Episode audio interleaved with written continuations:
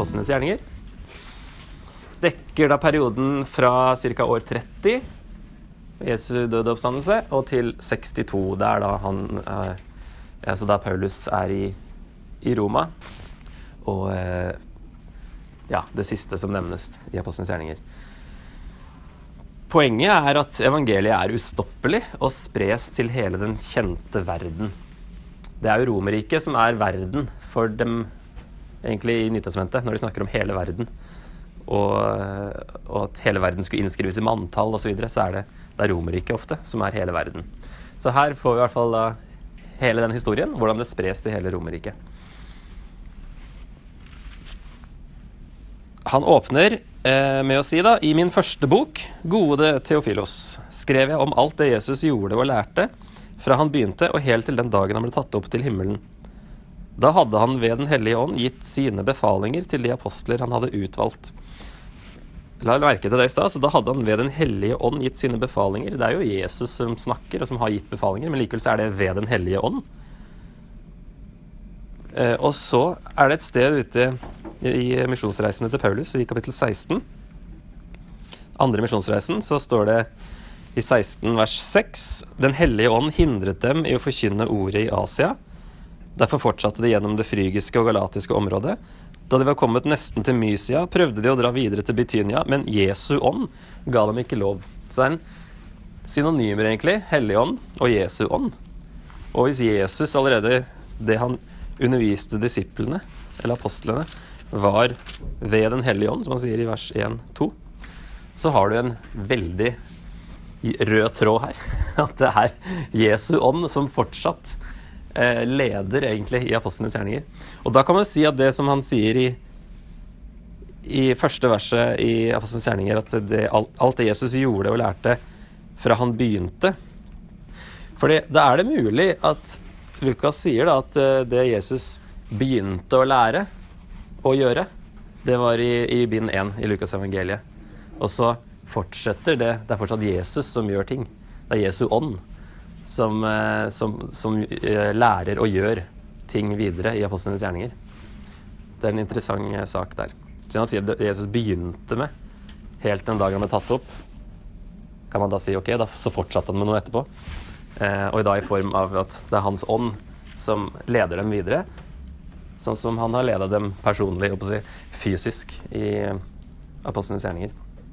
Unnskyld, Lukas evangeliet. Eh, så strukturen Hvis vi ser Lukas og apostlenes gjerninger sammen, så går den mot Jerusalem.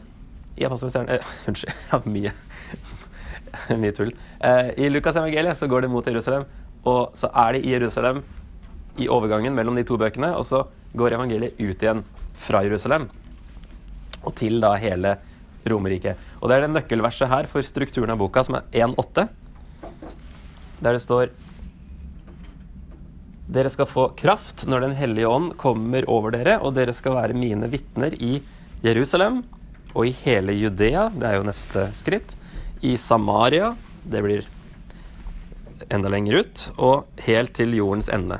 Så du får en sånn gradvis ut, uh, utvidelse av området, og det ser vi faktisk er strukturen av apostlenes gjerninger, som Lukas har lagt opp. Han sier i slutten av eh, Lukas, da, Lukas 24, så sier han Hvis vi går tilbake til der han liksom har misjonsbefalingen i Lukas, så sier han at eh, i vers 46, siste avsnittet Slik står det skrevet, Messias skal lide og stå opp fra de døde tredje dag, og i hans navn skal omvendelse og tilgivelse for syndene forkynnes for alle folkeslag.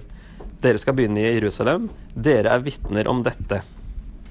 Han sier han altså dere er vitner om at Messias har stått opp. Han har dødd og stått opp, og det betyr tilgivelse for syndene.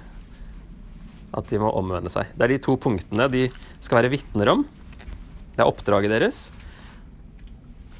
Og så hentes det opp igjen da litt, som vi så i Apostlenes gjerninger 1, i vers 8 der. Eh, dere skal være mine vitner, sier han der. Da har han definert hva det betyr i Lukas 24, så jeg trenger ikke å gjenta det.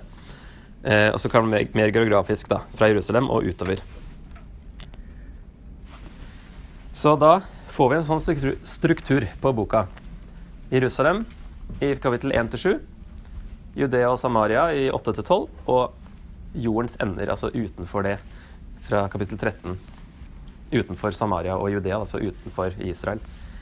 I kapittel 13 og utover. Og det henger jo sammen også med hvem som bor der. Det er jøder som bor i Jerusalem. Og i Judea er fortsatt jøder. Samaria så har du såkalt halvjøder. Altså det var jøder som var blanda med hedninger gjennom historien. Sånn at det var jo fiendskap mellom dem og, og jødene, siden jødene mente at de ikke var, de var ikke rene jøder. Men eh, du, da går det et skritt videre, liksom, ut til hedningene, og så har du ordentlige hedninger, da, eh, fra kapittel 13. Da Paulus eh, på en måte blir hovedpersonen kan kanskje se på Peter som en slags hovedperson i starten. Og så Paulus eh, fra kapittel 13. Så det er interessant hvordan det ene verset er helt med vilje lagt der for å, for å se strukturen på hvordan det spres utover. Og det er jo måten det spres på her, i 8.1, det er jo eh, ved en forfølgelse. Det er jo etter at Stefanus har blitt drept står det i 8.1.: Samme dag brøt det løs en kraftig forfølgelse mot menigheten i Jerusalem.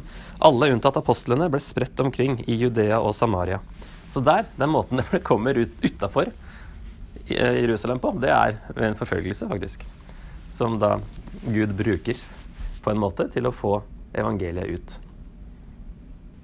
Hedningemisjonen er jo veldig viktig, sånn at eh, det besøket som Peter har hos Kornelius, kapittel 10 Eh, det gjentas i kapittel 11 og i kapittel 15 i dette apostelmøtet. Sånn at eh, det er eh, Det er jo det første gangen en gruppe hedninger blir eh, frelst. Så det Det er en viktig hendelse.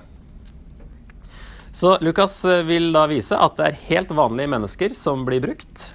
Men det er Den hellige ånd, det er Jesu ånd, som eh, gjør det mulig.